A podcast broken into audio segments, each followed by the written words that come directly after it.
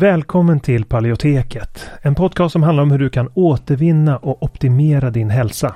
Vi presenterar spännande forskning, praktiska verktyg och inspirerande berättelser som ska hjälpa dig att ta makten över din egen hälsa. Vi som gör podden heter Karl Hultén och Anna-Maria Norman. En bristande maghälsa kan ge symptom i helt andra delar av kroppen. Det är något som många tyvärr inte känner till trots att mer än en miljon svenskar har IBS idag. Alltså problem med magen. Och tyvärr är magproblem i de flesta fall inkörsporten till annan ohälsa. Det kan vara inflammation, diffusa symptom, allergier eller autoimmun sjukdom. Och för att möta den här trenden av växande behov så har vi utvecklat kursen Maghälsa på djupet. Där vi går på djupet med att vända dålig maghälsa som SIBO och IBS.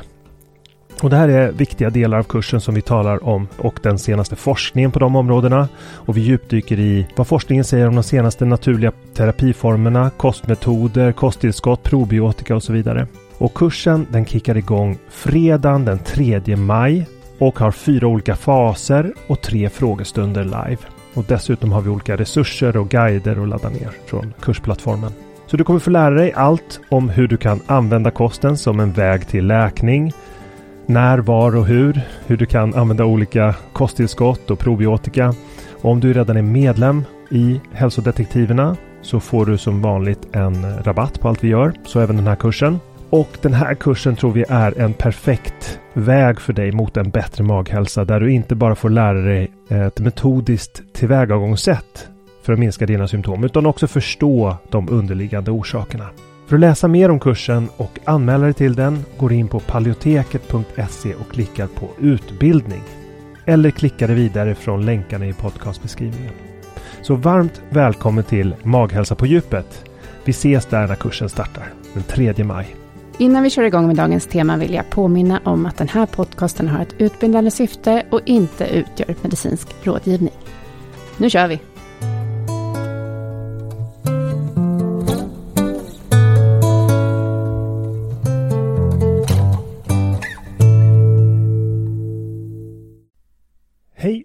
Varmt välkommen till dagens avsnitt där jag kör själv för ovanlighetens skull. Dagens avsnitt handlar om olivolja versus rapsolja. Vi kommer gå in på all den forskning som kommit de senaste åren kring rapsolja. För vi har fått in ett antal frågor i vårt medlemskap Hälsodetektiverna om rapsolja versus olivolja. Om det kan vara en del av en hälsosam kost.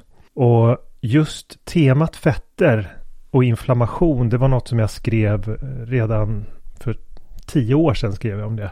Och det var ett av våra mest besökta blogginlägg på Paleoteket. Så det var inlägg som hette Så undviker du de inflammationsskapande fetterna. Och eh, vi har sedan länge givit grönt ljus åt olivolja eftersom det innehåller förhållandevis lite av omega-6 och mer enkel och mättade fetter. Och rapsolja däremot har vi varit lite mer tveksamma till. Det har varit lite mer av en gråzon eftersom det kan innehålla mer lite mer av omega-6 och därför har vi uteslutit det inom exempelvis AIP. Men faktum är att både olivolja och rapsolja är Ja, de är till att börja med relativt enkla att använda i matlagning och i, i stekning och så vidare. Och eh, vi använder båda hemma hos oss. Och eh, när jag skrev om växtoljor för tio år sedan. Eh, sen dess har ju naturligtvis forskningen gått framåt och jag har eh, berättat lite om den forskningen inom medlemskapet Hälsodetektiverna nyligen. Och nu tänkte jag att vi skulle fördjupa oss lite i forskningen och bredda den här genomgången av rapsolja lite grann. Vi ska tala om inflammation, vi ska tala om cancer, eh, oxidation, eh, matlagning, eh, stekning, påverkan på livslängd. Allt tänkte jag försöka täcka in.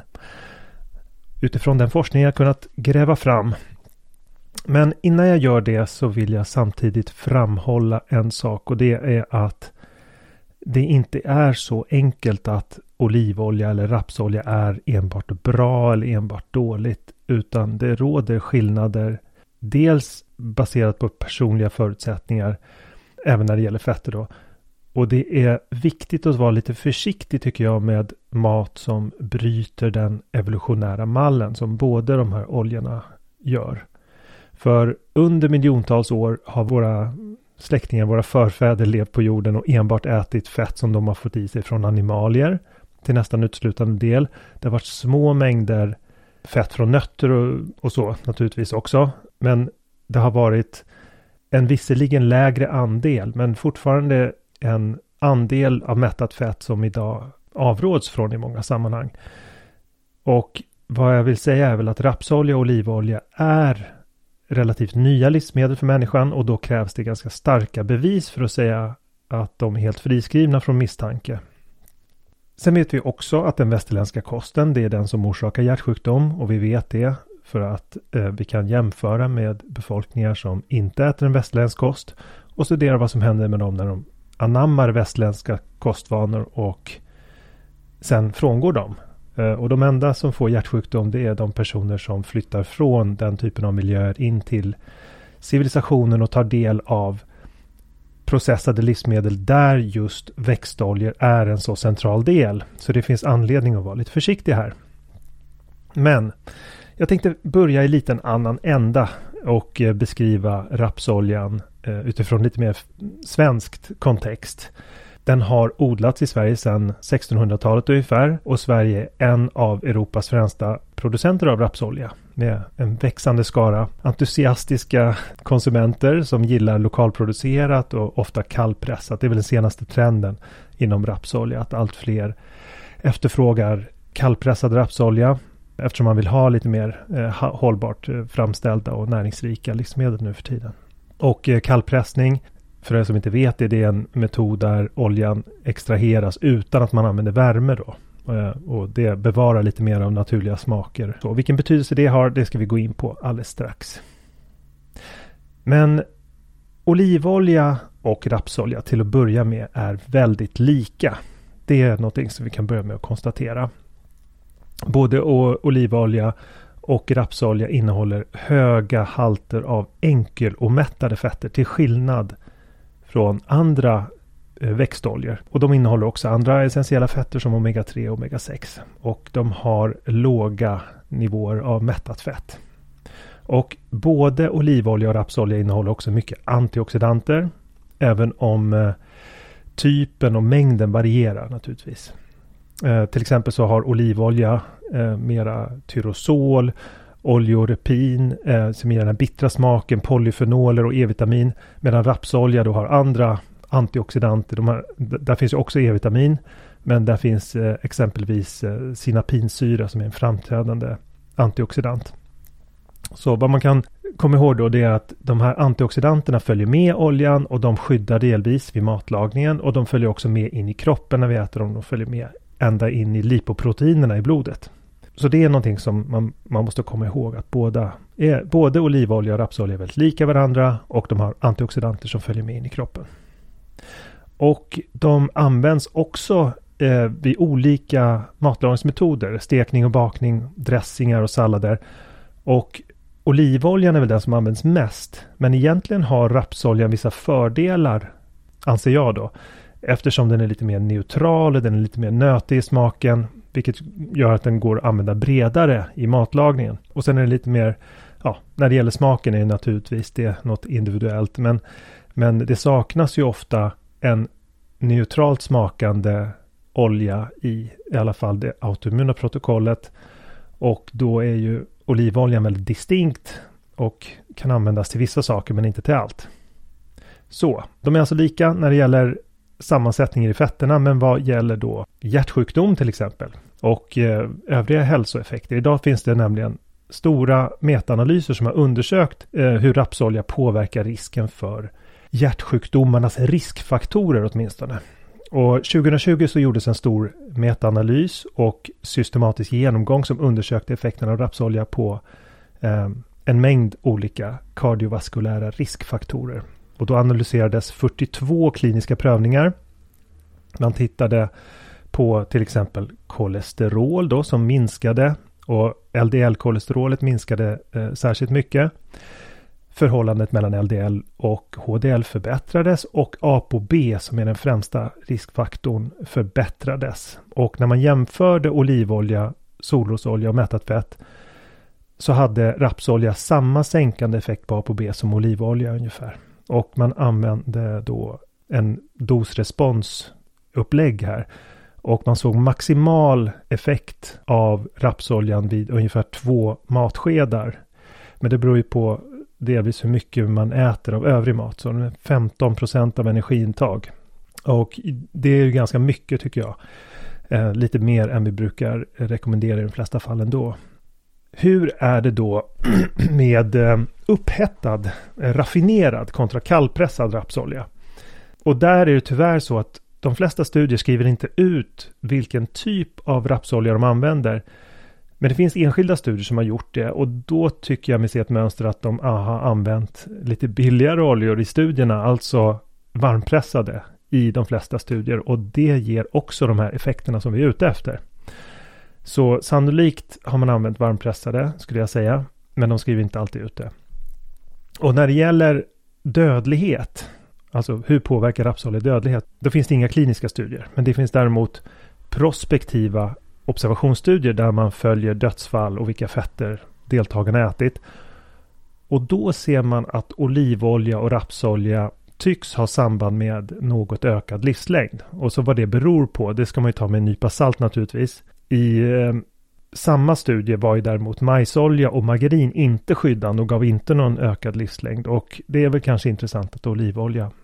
Eh, men olivolja har ju, är förknippat med en i övrigt eh, positiv eller hälsofrämjande livsstil. Så att där finns ju en confounder. Men det tycks inte vara så att det är förknippat med förkortat liv åtminstone.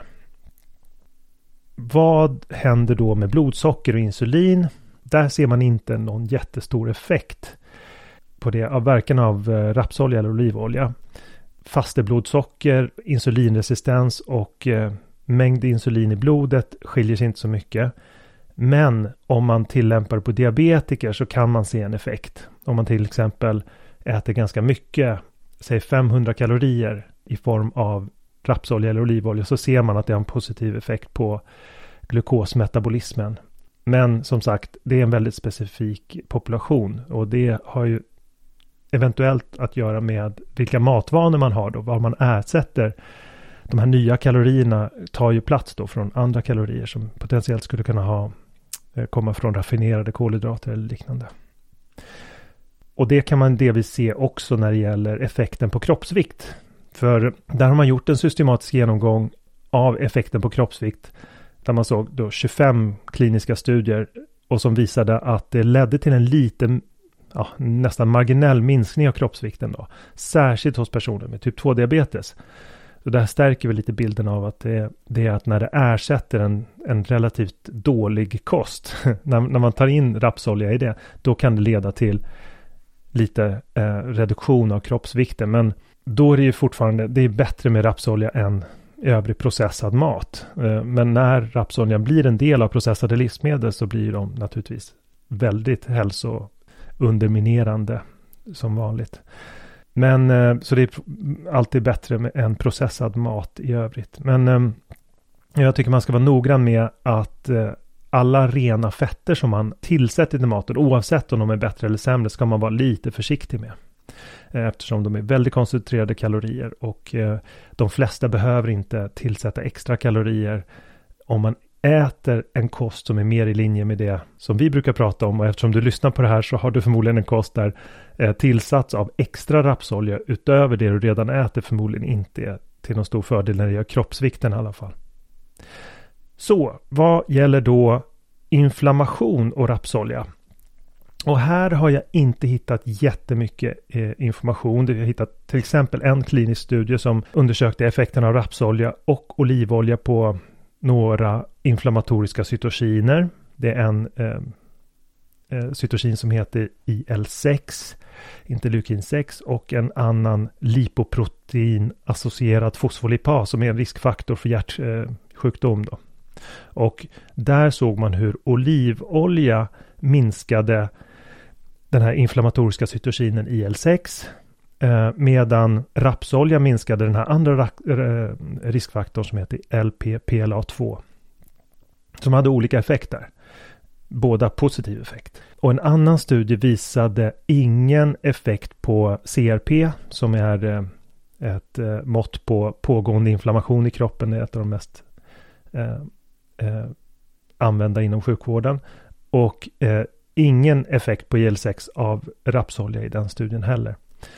Så det finns också en annan systematisk genomgång eh, av flera kliniska studier på olika typer av eh, växtoljor, men där hittar man inte någon betydande effekt på inflammation. Men trots allt är forskningen på det här området lite bristfällig och misstanke om att växtoljor skulle eh, orsaka inflammation riktar sig inte främst mot olivolja och rapsolja eftersom de har förhållandevis mycket av enkelomättat fett och förhållandevis lite av omega-6. Sen ytterligare en faktor som har att göra med det här med omättade fetter, det är ju en misstanke om att de ska de orsaka oxidativ stress genom att de blir oxiderade och orsakar lipidperoxidering i kroppen när man äter dem. Och eh, oxiderade oljor, det har varit känt länge att de kan skada kroppen genom att det uppstår en slags eh, kedjereaktion av lipidperoxidering när man äter dem, alltså härskna oljor. Men när man eh, testade det här i en klinisk studie, faktiskt en svensk studie från Uppsala, så kom man fram till att rapsolja inte ökade graden av lipidperoxidering i, eh, hos människor jämfört med då eh, man såg ingen skillnad på mättat fett och lipidperoxideringen vid rapsoljekonsumtion. Och jag har inte hittat några så här nyare studier när det gäller den här aspekten. Men jag tycker ändå att man ska vara försiktig med att upphetta rapsolja flera gånger i rad. Alltså som frityrolja är den inte ett bra val.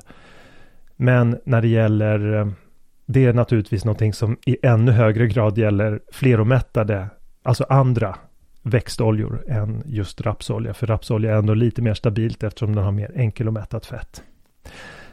Men när det gäller en annan, eh, det finns en annan markör för lipidperoxidering som heter 4HNE och den är då en markör för och en bidragande faktor till oxidativ stress i celler då. Eh, den kan reagera, det är en molekyl som kan reagera med eh, både proteiner, med, med DNA, med cellväggar, med organeller och kan leda till cellskador. Och eh, den är kopplad till olika neurodegenerativa sjukdomar, hjärtsjukdom, inflammation, leversjukdom och så vidare. Men rapsolja har testat och bildningen av det här 4H är väldigt låg. Och det är någonting som troligtvis beror på de här antioxidanterna som jag talade om tidigare. Som förmodligen skyddar rapsoljan från uppkomst av 4HNE. Och det är viktigt att komma ihåg det att eh, flera oljor innehåller ju olika typer av antioxidanter som faktiskt skyddar dem. Så både raffinerad och kallpressad, alltså varmpressad och kallpressad rapsolja tycks vara okej okay ur oxidationssynpunkt. Så även när man använder dem till stekning och matlagning och så.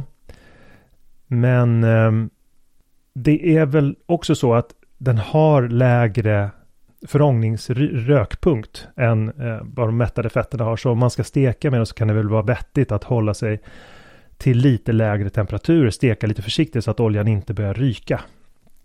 Och fritering och återuppvärmning är ju inte någon bra idé förstås. Så vi går vidare till rapsolja och dödlighet av alla orsaker. Och då, där finns det då, eftersom det handlar om långa tider och konsumtionstiderna blir så långa så att det finns inte några kliniska studier för att studera det, såsom cancer eller andra dödsorsaker. Utan då får man vända sig till observationsstudier. Och mönstret som framträder där är väl att rapsolja kan vara förknippat med lägre dödlighet. Så även olivolja. Eh, kanske till och med ännu lägre dödlighet än olivolja. Det här är bara det, det, det är korrelationer så det, det, man får ta det med en nypa salt. Men ehm, eftersom olivolja betraktas som mer hälsofrämjande generellt sett så, så det, tycker jag att det är särskilt intressant eftersom då minskar risken för hälso, healthy user bias, alltså att mer hälsosamma personer anammar rapsolja. Det anses alltså inte vara lika hälsosamt i hälsomedvetna kretsar med rapsolja som olivolja historiskt. Och då är det intressant att man ser en ännu bättre hälsofrämjande effekt generellt sett med rapsolja. Så om vi ska runda av och sammanfatta bilden som framträder då av rapsolja så tycker jag att forskningen som jag har tagit del av hittills tyder på att rapsolja tycks vara säkert att äta och att det liknar olivolja i sin effekt på kroppen. Och att det kan finnas till och med fördelar, särskilt för personer med högt eh, LDL ApoB, att äta rapsolja. När det gäller andra raffinerade oljor tycker jag att det är bäst att vara lite mer försiktig med hur mycket man äter. Eh, och överhuvudtaget så föreslår jag att man använder en sprayflaska som ett sätt att dosera olja när man använder till ungstekning, stekning, dressingar eller annan eh, matlagning. Och eh, överhuvudtaget alltså, det tycks finnas neutrala eller positiva effekter av rapsolja och därför så tycker vi att den kan vara okej okay att äta i måttliga mängder. Det var allt för den här gången och några av referenserna eller alla referenserna som jag refererar till i det här avsnittet finner du i beskrivningen till poddavsnittet. Så simma lugnt. Hejdå. Tack så mycket för att du har lyssnat på det här avsnittet av Paleoteket. Vi hoppas att det har varit till nytta för dig. Om du vill få hjälp att uppnå dina hälsomål står vi redo att hjälpa dig. Vårt medlemskap Hälsodetektiverna är en gemenskap online där du träffar likasinnade, får hälsoinspiration hela året och kan ställa frågor direkt till oss på våra medlemsseminarier. Nu under våren startar också två onlinekurser. AIP Masterclass är kursen för dig som vill lära dig allt du behöver veta om kostupplägget AIP, autoimmunprotokoll, samtidigt som du blir guidad genom en stegvis process med både läkningsfas, utvärdering och återintroduktioner. Sen har vi kursen Maghälsa på djupet som riktar sig till dig med IBS och misstänkt eller konstaterad SIBO. Vi fokuserar helt på vad du kan göra med kost, livsstil och strategiskt utvalda kosttillskott. För dig som föredrar att läsa finns också våra fyra böcker. Besök paleoteket.se för att veta mer och glöm inte att prenumerera på vårt nyhetsbrev. Du hittar länkar i beskrivningen till podcastavsnittet.